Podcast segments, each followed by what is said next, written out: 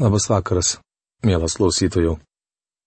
Šiandien toliau keliausime Biblijos puslapiais Naujojų testamentų, žvelgdami į antro laiško tesalonikiečiams puslapius. Noriu priminti, kad praėjusioje laidoje mes pradėjome nagrinėti antrąjį šios knygos skyrių, kurio tema - įvykiai susiję su Kristaus ateimu.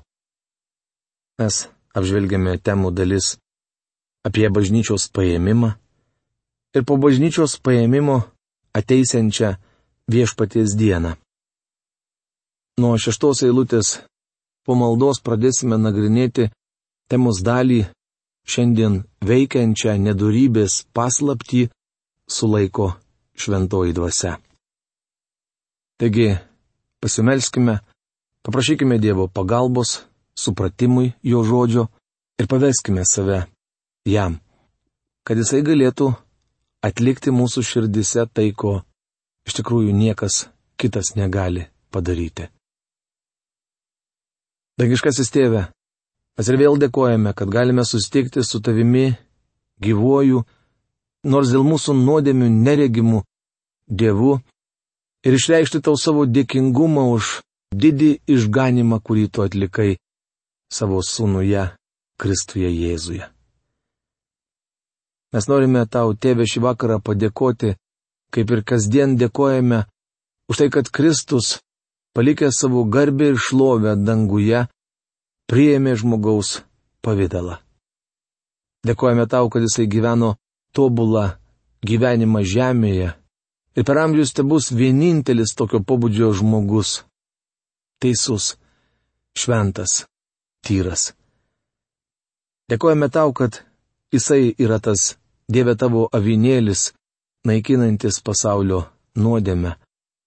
Atidavė save tam, kad juo kaip tiesa ir amžinojų gyvenimu mes galėtume šiandien ateiti į tą artimą ir amžiną bendrystę su tavimi.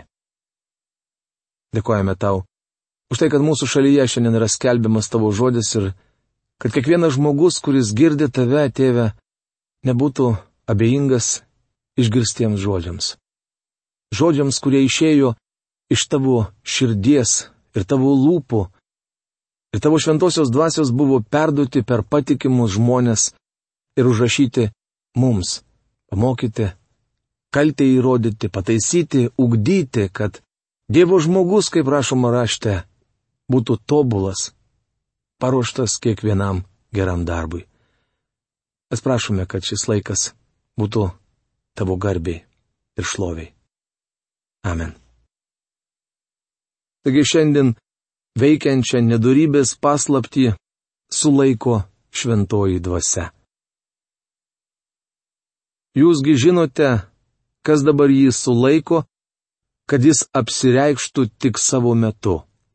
Antras laiškas tesalonikiečiams, antras skyrius, šešta eilutė. Manau, jums nekarta kilo klausimas, kas gali sulaikyti blogį. Akivaizdu, kad tai gali padaryti tik šventoji dvasia. Ne viena vyriausybė blogio nesulaiko.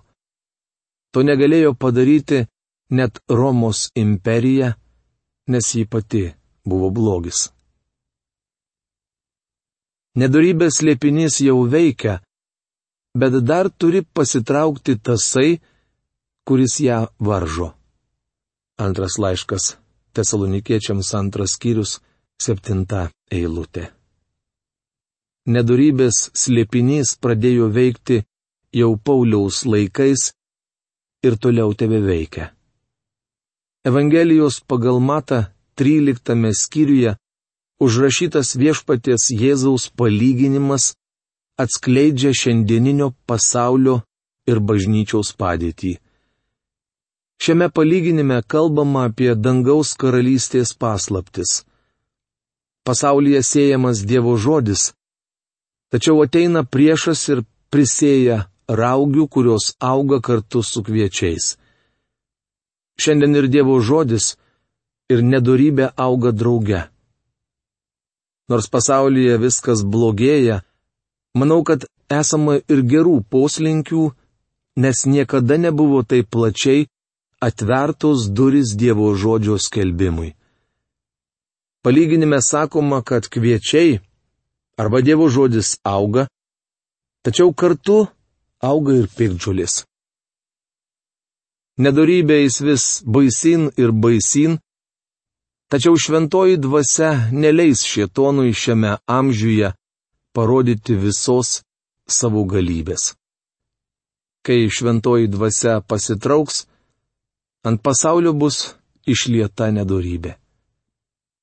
Tikriausiai jums kyla klausimas, kada bus patraukta šventoji dvasia. Tai vyks drauge su bažnyčios paėmimu. Galbūt kas nors paklaus, ar didžiojo suspaudimo metu pasaulyje šventosios dvasios nebus? Žinoma, kad bus. Jie buvo pasaulyje ir Senojo testamento laikais, tačiau turėjo kitokią misiją. Po bažnyčios paėmimo jos misija pasaulyje taip pat pasikeis. Dabar Dievo dvasia anspaudoja mus iki atpirkimo dienos. Kai ateis ši diena, ji pristatys ir perduos mus viešpačių Jėzui. Jei jį to nepadarytų, mes patys nieko met to nesugebėtume. Manau, jog po to šventoji dvasia sugrįž į žemę užbaigti savo ankstesnės misijos. Tačiau tuo met jį blogio nebesulaikys, tai reiškia, kad trumpą laiką šietonas galės vykdyti savo planus. Patikėkite, visai nenoriu būti žemėje, kuomet ją valdys šietonas. Jau šiandien man žemė atrodo labai sugedusi, todėl nenoriu būti čia tuo metu, kai bus atiduota į šietono rankas. Tada jau apsireikš nedorėlis, o viešpats Jėzus sunaikins jį savo burnos kvėpimu ir sutriuškins savo didingu ateimu. Antras laiškas Tesalonikiečiams antras skyrius, aštunta eilutė. Kostas burbulys šią eilutę verčia šiek tiek tiksliau. Tada pasirodys nedorilis, kurį viešpat sunaikins savo burnos kvėpimu ir sutriuškins savo ateimų spindesiu. Kaip jau minėjau, nedorilis, nedorybė žmogus, arba kitaip tariant, antikristas bus pasaulio diktatorius, kurį galės sustabdyti tik Kristaus ateimas. Tikriausiai prisimenate, kad izraelitai Egipte buvo bejėgiai ir neturėjo vilties, tačiau Dievas juos išlaisvino. Didžiojo suspaudimo laikotarpiu, valdant antikristui tikintieji taip pat bus bejėgiai, kol viešpats Jėzus ateis į žemę įkurti savo karalystės. Paulius rašo, jog viešpats sunaikins jį savo burnos kvėpimu. Tai reiškia, jog antikristas bus sunaikintas Dievo žodžiu, išeinančiu iš Kristaus burnos. Laiško hebrajams, ketvirtos kiriaus dvyliktoje eilutėje skaitome, kad Dievo žodis yra aštresnis už dviešmenį kalaviją.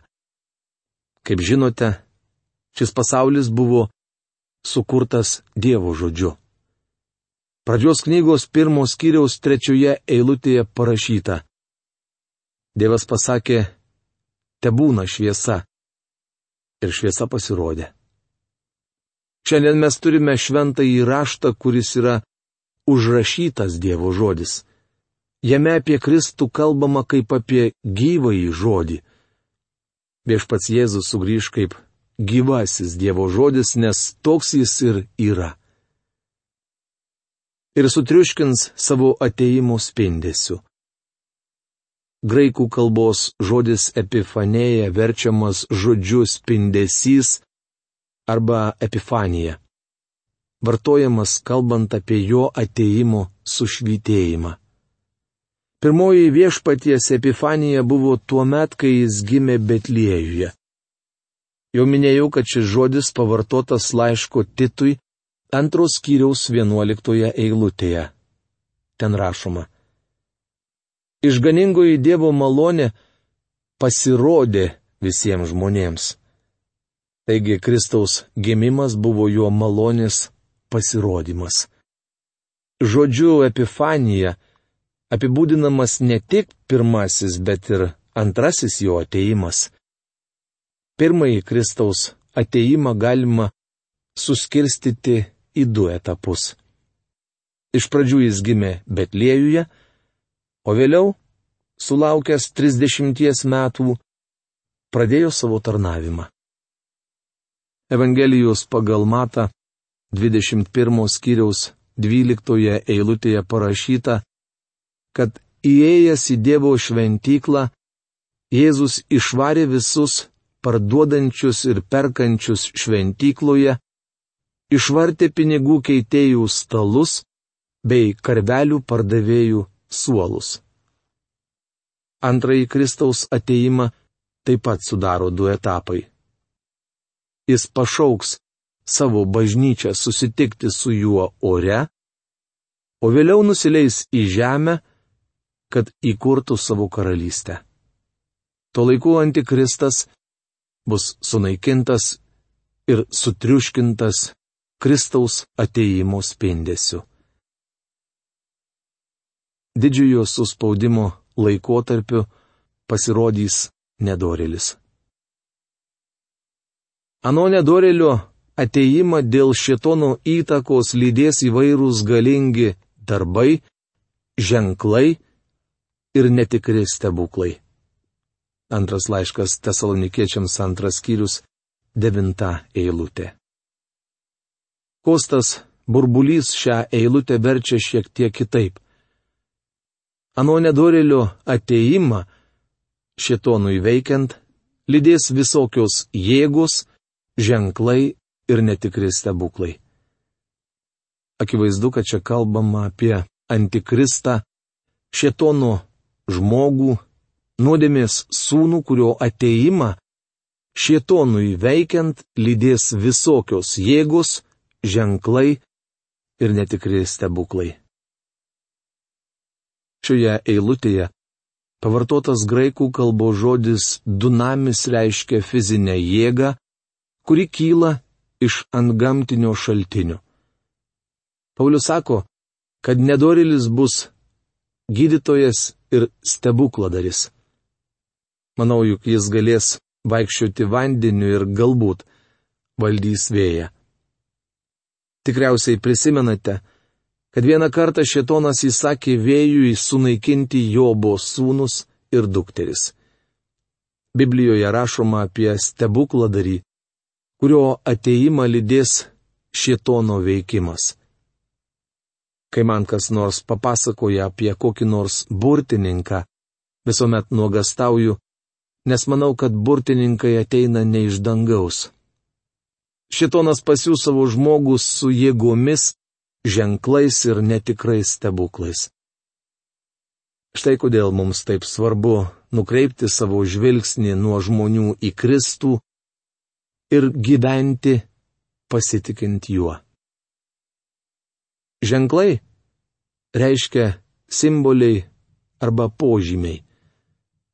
Šio žmogaus rodomais ženklais nepaprastai žavėsis mokslininkai, politikai ir religiniai veikėjai. Stebiuosi, kaip netgi šiandien žmonės patiki didžiausiomis apgavystėmis. Kartą kažkas manęs paklausė, kodėl taip vyksta. Aš atsakiau, jog tie, kurie neturi tvirto tikėjimo, užkimba ant bet kokios meškerės žmonės, kurie nėra įsišaknyje ir įsitvirtinę Dievo žodyje, patikės bet kokiais ženklais. Netikri stebuklai žiūrovams padarys didelį įspūdį. Tais laikais viso pasaulio žmonės apie nedorybės sūnų kalbės. Šis pasaulio valdovas yra puikus žmogus. Tik pažiūrėkit, ką jis gali. Tikriausiai jums kyla klausimas, kasgi patikės jo netikrais stebuklais. Tai tie, kurie netikės Evangeliją. ir visokios nedoros apgaulės einantiems į pražūtį už tai, kad atsisakė mylėti tiesą, kuri būtų juos išganiusi. Antras laiškas tesalonikiečiams, antras skyrius, dešimta eilutė. Tiems, kurie eina į pražūtį, antikristas rodys netikrus ženklus su visokia nedura apgaulė. Tikriausiai norite paklausti, kodėl? Apaštalas Paulius aiškiai sako, jog tai vyks dėl to, kad jie atsisakė mylėti tiesą, kuri būtų juos išganiusi. Aš tvirtai tikiu, kad per bažnyčią Evangelija pasklis iki žemės pakraščių. Kitas rytis, kurių negali pasiekti bažnyčios žmonės. Evangelija skverbėsi radio bangumis. Paulius rašo, kad atsiras tokių žmonių, kurie išgirdę tiesą atsisakys ją priimti. Todėl Dievas jiems siunčia galingą paklydimą, įdant tikėtų melu. Antras laiškas tesalonikiečiams, antras skyrius, vienuolikta eilutė. Dievas leis pasauliui patikėti melu.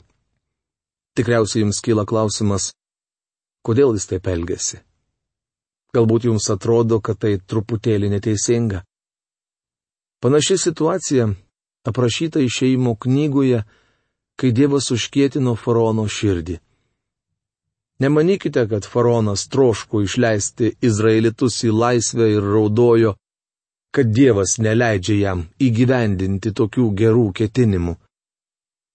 Faraonas nenorėjo išleisti savo vergų, o Dievas privertė jį pakeisti savo nuostatą. Paronas atsidūrė tokioje situacijoje, kurioje atsiskleidė tai, kas jau buvo jo širdyje. Šiandien daugelis žmonių bijo įsipareigoti ir vengia bet kokios atsakomybės. Jie neužima tvirtos pozicijos Dievo atžvilgių ir nesiklauso Evangelijos. Dievas maloningai suteikia žmonėms savo žodį, tačiau jie jo nenori. Kadangi žmonės išgirdę Dievo žodį atsisako jį priimti, viešpats pasiūs jiems galingą paklydimą. Paulius rašo, kad taip atsitiks dėl to, kad jie atsisakė mylėti tiesą ir yra pasirengę tikėti melu. Žmonės, kurie išgirdo Evangeliją, bet nebevaikšto į bažnyčią, yra atviri okultizmui ir kitokiems šio laikiniams klaidžiamoksliams. Dėl šios priežasties sekmadienį ryte į duris beldžiasi visokie okultistai.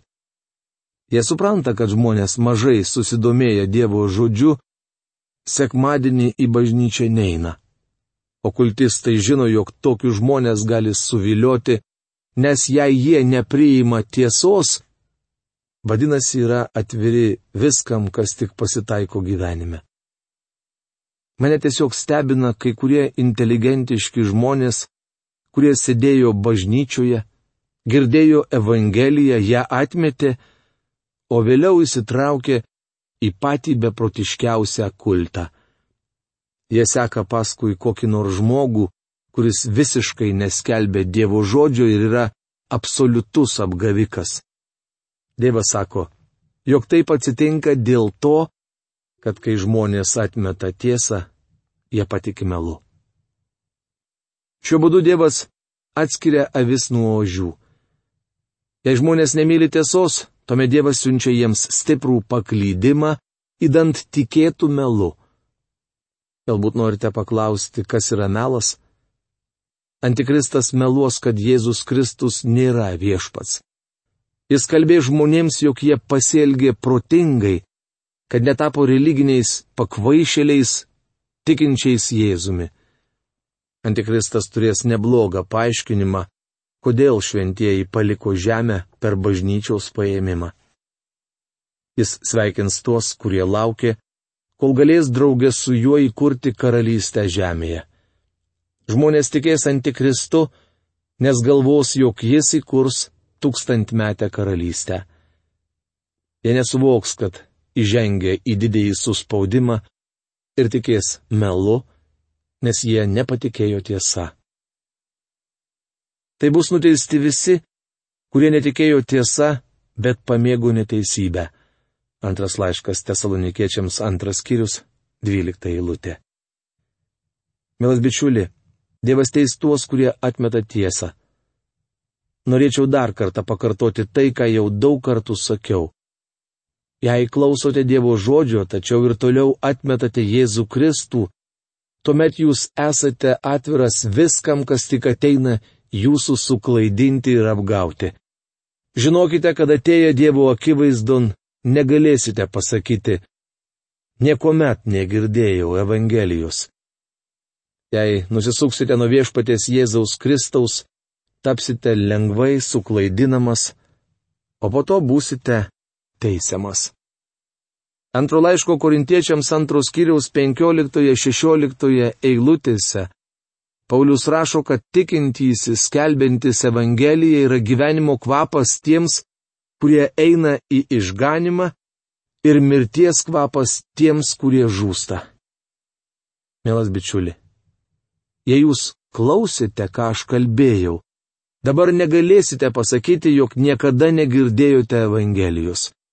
Jūs ją girdėjote ir manau, kad ne vieną kartą.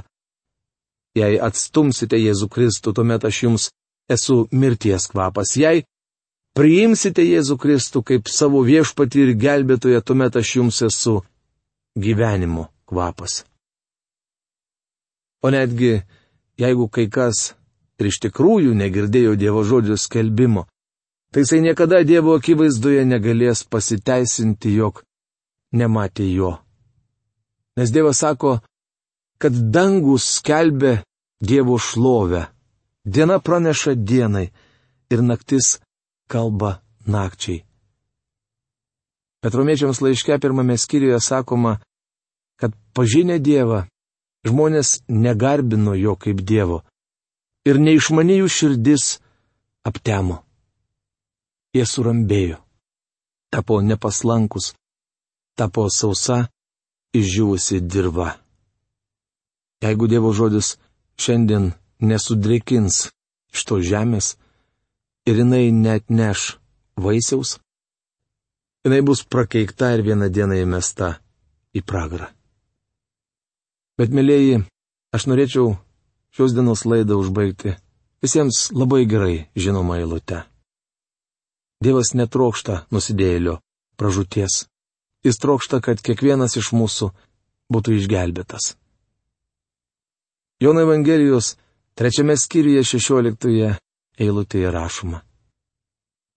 Nes Dievas taip pamilo pasaulį, kad atidavė savo vienagimį sūnų, jog kiekvienas, kuris jį tiki, nepražūtų, bet turėtų amžinai gyvenimą.